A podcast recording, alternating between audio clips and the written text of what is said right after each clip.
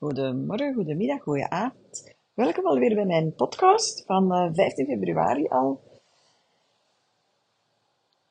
Ik vroeg aan mijn lief, waarover moet ik het hebben?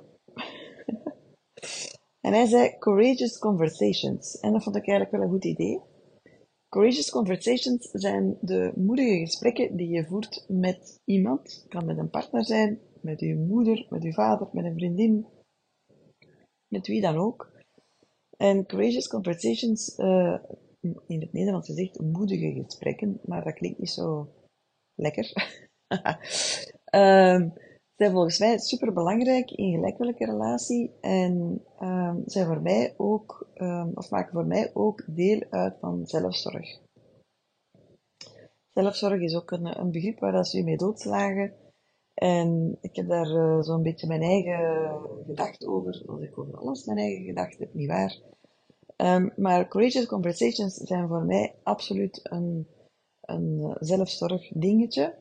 En, um, want daar komen, en daar komen ook heel veel topics bij samen, of heel veel thema's bij samen, zoals bijvoorbeeld grenzen stellen. Uh, je, door een courageous conversation te, voelen, uh, te voeren, stel je feitelijk een grens. En je doet dat op een manier die uh, heel duidelijk is, omdat je echt het gesprek aangaat met iemand. En we weten allemaal, grenzen stellen, moeilijk voor veel mensen, omdat dat natuurlijk uh, veel van jou vraagt, jou ook heel zichtbaar maakt. Er komt ook vaak angst bij kijken. Het is voor heel veel mensen, vrouwen in het bijzonder, echt moeilijk om op een gegronde manier grenzen aan te geven. En, uh, want helaas hebben heel veel vrouwen hebben last van Nivea, hè, niet invullen voor een ander. Um, het Nivea-principe zegt hè, dat, dat je feitelijk meer bezig bent met wat er aan de overkant gaat gebeuren dan bij jezelf. En vaak zorgt dat ervoor dat mensen het, zichzelf tegenhouden om grenzen te stellen of uh, om te zeggen waar het op staat of om assertief gedrag te vertonen omdat ze feitelijk vol continu aan het nadenken zijn over, ja, maar misschien gaat hij boos worden, ja, maar misschien gaat de reactie zus zijn, ja, misschien zus, misschien zo.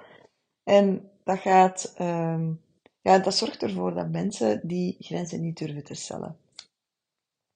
Nu, Courageous Conversations is iets wat, um, ja, wat, wat dan veel mensen te leren hebben.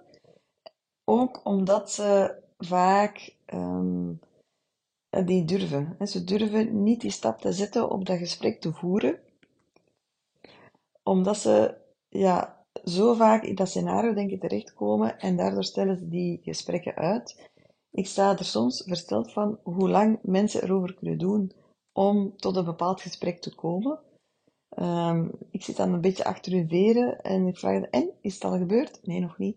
En, heb je het al gedaan? Nee, nog niet. Uh, ik ga het volgende week doen, hè, want dan is het een, een beter moment om het te doen. Uh, want dan, uh, ja, dan staan de sterren gunstiger of dan is er geen retrograde in de planeet. Dan denk ik van, maar echt, really? Hoeveel kun je jezelf nog wijsmaken? Heb gewoon dat gesprek. En dus, ja, dus mensen zijn echt bang om zo'n gesprek te voeren. Nu, let op, het is ook iets waar ik absoluut in gegroeid ben. Um, waar ik als uh, jonge twintiger uh, uh, zeer bang voor was. En ik zal nooit vergeten, het meest dappere gesprek dat ik ooit gevoerd heb. Um, nee, er zijn wel een aantal dappere gesprekken geweest die ik al gevoerd heb in mijn leven. Maar één gesprek staat daar toch wel, stikt daar toch wel een beetje bovenuit. En dat is het gesprek dat ik gevoerd heb met mijn eerste echtgenoot, mijn eerste man. Um, toen ik op tafel gelegd heb dat ik verliefd was geworden op een andere man en dat ik ons huwelijk wou uh, opentrekken, dat ik dat polyamoreus wou bekijken, wou exploreren, ja, dat staat toch altijd op mijn netvlies gebrand. Ik weet nog waar dat wij zaten, ik weet nog wat ik voelde, ik weet nog dat het warm was buiten. Ah, dat was echt zo'n spannend gesprek. En, maar ik heb dat wel gedaan. En ik weet dat er nadien zijn er ook nog gesprekken gebeurd. Ja, die echt heel uh, moedig waren. Als ik kijk naar alle gesprekken die ik gevoerd heb met de toenmalige uh, extra partners die, ik, die mijn echtgenoot, mijn tweede echtgenoot had. Ik ben die gesprekken aangegaan. Ik, ben, ik, ik heb toen I showed up. Ik heb gezegd wat ik wou zeggen, ook al was het met een bonzend hart. En ook al voelde ik heel erg dat ik geen conflict wou, maar ik wou echt mijn plek innemen, mijn respect terugpakken, uh, mij laten zien, hè, transparant worden in wat ik voelde. Dat zijn voor mij allemaal hele belangrijke oefenmomenten geweest. En gaandeweg heb ik daarin ook een eigen uh, manier gevonden om in mijn huidige relatie dan, of in de relaties die, uh, die er gepasseerd zijn, kort of lang, of welke relatie dat dat ook was, of soort relatie dat ook was, om zaken ehm, neer te leggen, um, te vertellen, zonder dat ik daar per se um, iets op terug wou horen. Voor mij gaat het vaak toch heel erg over dat ik gewoon mijn ding kan zeggen. En als we eventjes, als ik terugkijk naar de podcast die ik twee dagen geleden opgenomen heb over de vrouw die in haar hoofd zit, voor mij is dat echt een heel belangrijke manier gevonden, geworden om gewoon te vertellen wat er in mij zit. En dan um, tijdens de vijfdaagse lichaamswerk oefenen we daar ook mee. En dat ik, ik noem dat de inquiry. En de inquiry is, uh, het, is eigenlijk een self-inquiry, een zelfonderzoek. Dat is een gesprek dat je voert met iemand en waarin dat je om beurten um, vertelt wat er gaande is bij jezelf. Dus hoe gaat het dan juist? Um, eerst en heb je dat aan te kondigen dat je dat wilt doen. Hè, dat is stap 1. En dat je zegt van ja, ik wil uh, delen. Ik wil delen wat er bij mij gebeurt, wat er bij mij zit. En voor mij is het belangrijk dat de ander hè, um, een soort van Boeddha is. En een Boeddha uh, luistert, hè, luistert heel aanwezig, uh, niet actief, dus het gebeurt in stilte. Laat ook geen emoties zien. Um, laat ook niet zien dat iets hem, hem of haar raakt. En ont, is gewoon ontvangend. Hè? Is gewoon een, een, uh, ja, een bron waar alles bij kan neergelegd worden, waar alles kan geprocessed worden. Dus een oordeelvrij veld dat gecreëerd wordt en waardoor de ander, dus ik in deze situatie en jij morgen misschien, of, of vandaag nog, en waarin, uh, waarin ik echt uh, een kwartier gewoon kan vertellen wat er bij mij gebeurt. En ik hou het ook heel erg bij mezelf. Ik vertel wat ik voel. Ik vertel wat ik gewaar word. Ik vertel wat het doet met mij. Ik vertel uh, welke beweging ik mezelf voel maken. En de ander is gewoon aanwezig en luistert. En we zetten een timerke, hè, 15 minuten. We zitten dan ook tegenover elkaar. En indien nodig hè, kan je tussen jullie twee een soort grens maken, een sjaaltje dat je daar ligt of zo. En je raakt elkaar niet aan. En de Boeddha houdt de ogen open. En degene die vertelt mag de ogen gesloten houden of openen of, of wat dan ook. Hè, dat kan die zelf kiezen. En 15 minuten lang vertellen gewoon wat er bij jou gebeurt. Meer is het niet. Na vijf minuten gaat de timer en kan de ander praten. En die, dan wisselen de rollen. Hè? Dus dan wordt degene die gesproken heeft de Boeddha en degene die Boeddha was begint te praten. Dat is een, belangrijk moment, uh, want het is dan natuurlijk uh, belangrijk dat, je niet, uh, dat de ander niet in de verdediging gaat. Want die heeft mogelijk een aantal zaken gehoord die hij of zij heeft geparkeerd. Maar op dat moment is het wel een hele uitdaging dat de, tweede persoon die praat heel erg bij zichzelf blijft en niet in de reactie gaat. Want je kan je al voorstellen, als je dat doet bij een, bij een partner, hè,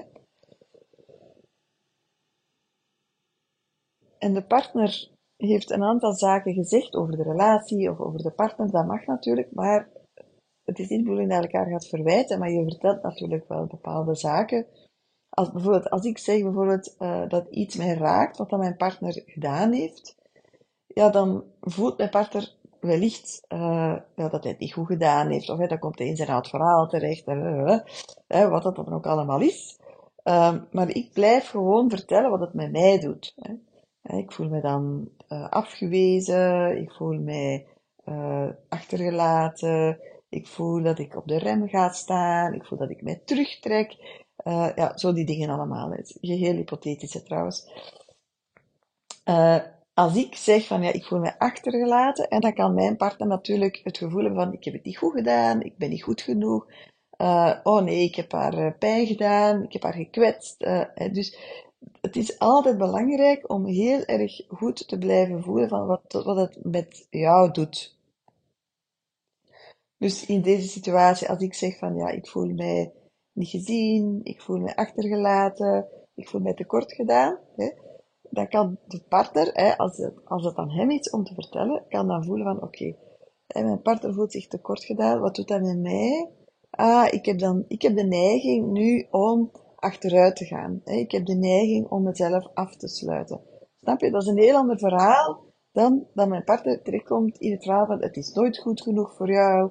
Uh, ik heb het gevoel dat ik uh, altijd tekort schiet. Snap je? Dat is reactief. Hè? En waar we eigenlijk naartoe willen met die Courageous Conversations is om te luisteren naar elkaar en bij onszelf te blijven en gewoon te voelen wat het met ons doet. Meer is het niet. Minder ook niet. Hè? Als jullie dan allebei gedeeld hebben, 15 minuten, 15 minuten, dan kan je het eigenlijk laten gaan. Wat voor veel partners heel moeilijk is, want dan komt, ontstaat er toch nog een gesprek.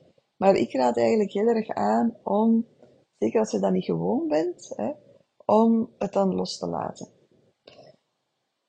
En er dan misschien een week later op terug te komen of zo. Of een paar dagen later, als je voelt dat de emoties gezakt zijn.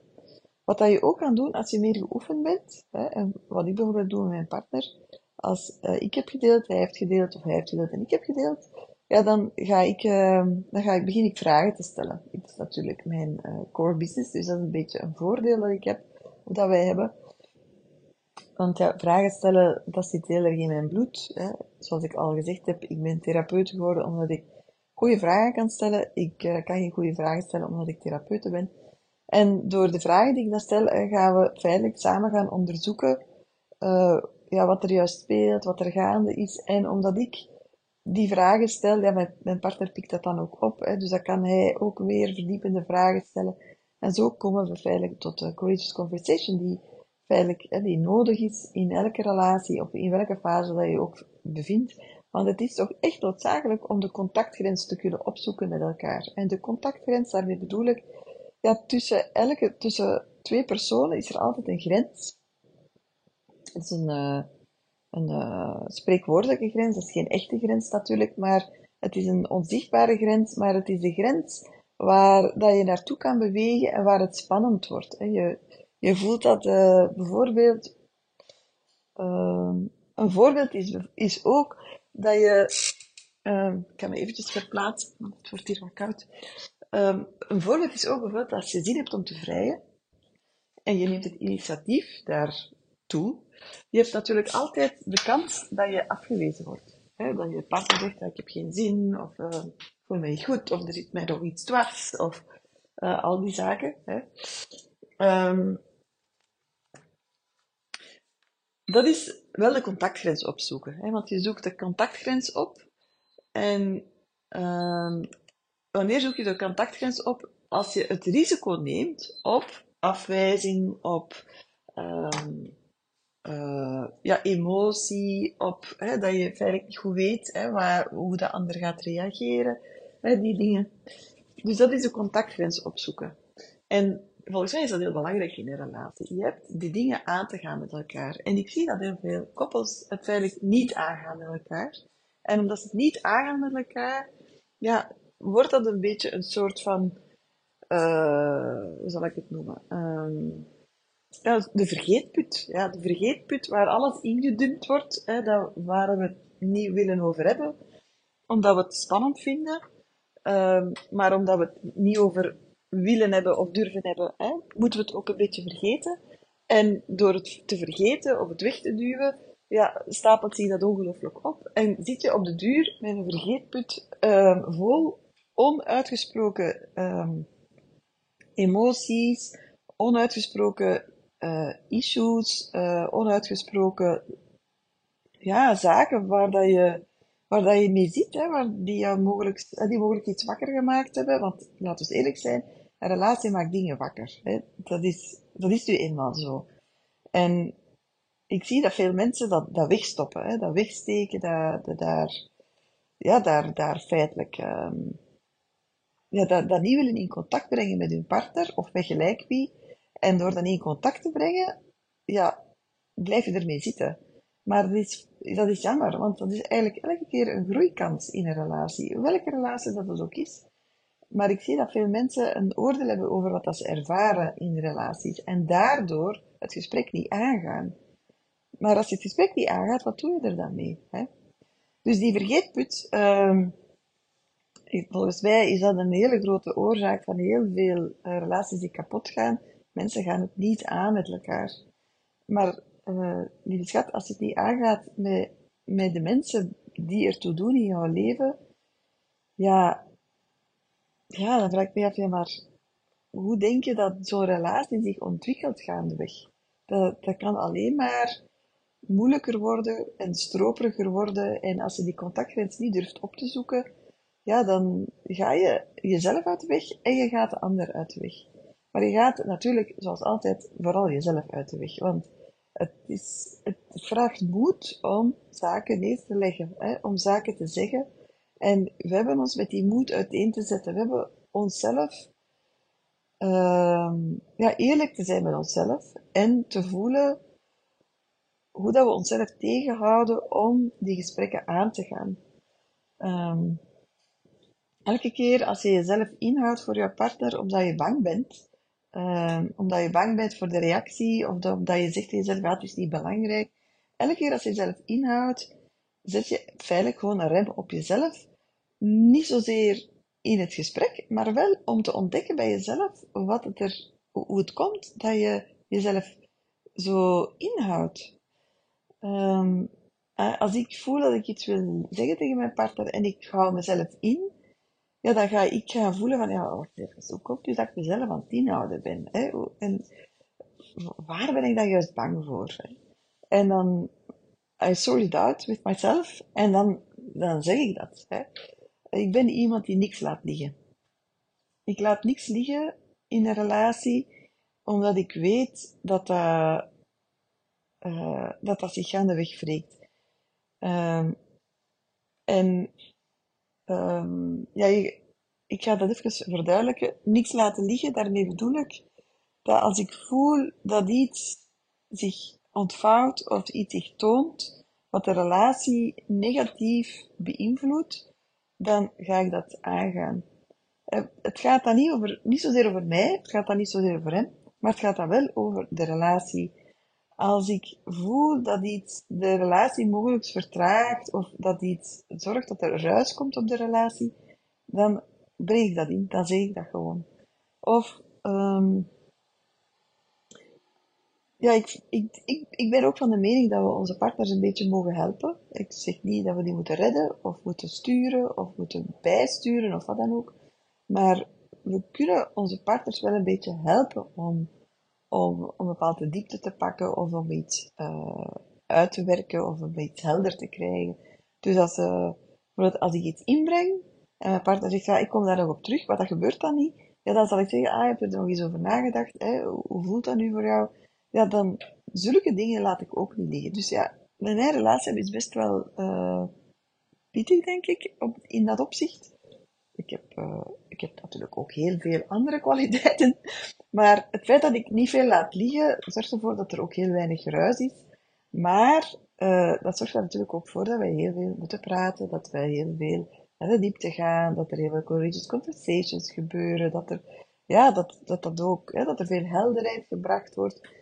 En ja, er wordt heel veel op de contactgrens gewerkt. Hè. Veel, uh, als het spannend wordt, dan, uh, als het spannend wordt om iets te zeggen, ja, dan, wordt het, dan wordt het interessant, vind ik. En dan wordt het ook, um, dan pakken we een diepere laag. Um, en zo zijn alle mogelijke thema's, onderwerpen bij ons uh, hoe zeg je dat? Uh, toegankelijk of mogelijk om over te praten. En ehm, ja, dat zorgt ervoor dat wij, ja, dat wij eigenlijk heel snel de processen doorwerken en dat we ook dat we niks laten liggen. Ook, um, ja, er is zo'n grote openheid tussen ons om te praten over, over alles. We maken er ook zoveel tijd voor. En of dat, dat nu over iets seksueels gaat, of over geld, of over de kinderen, of over onze toekomst, of over het werk, of, of over hoe dat iemand zich gedraagt, of wat dan ook, dat doet er eigenlijk allemaal niet toe. We, we praten er gewoon over. En uh, we brengen ook heel veel tijd door samen, net daarom, hè, omdat, we, dat belangrijk vinden. Dus die courageous conversations, heel, heel belangrijk volgens mij in gelijk welke relatie dat je hebt. En uh, het is iets wat dat je kan leren. En het is vooral een hele grote spiegel uh, naar jezelf toe om te groeien, om uh, jezelf ja, over een drempel te tillen, zodanig dat je meer en meer um, dat gaat doen en dat het ook niet meer spannend is.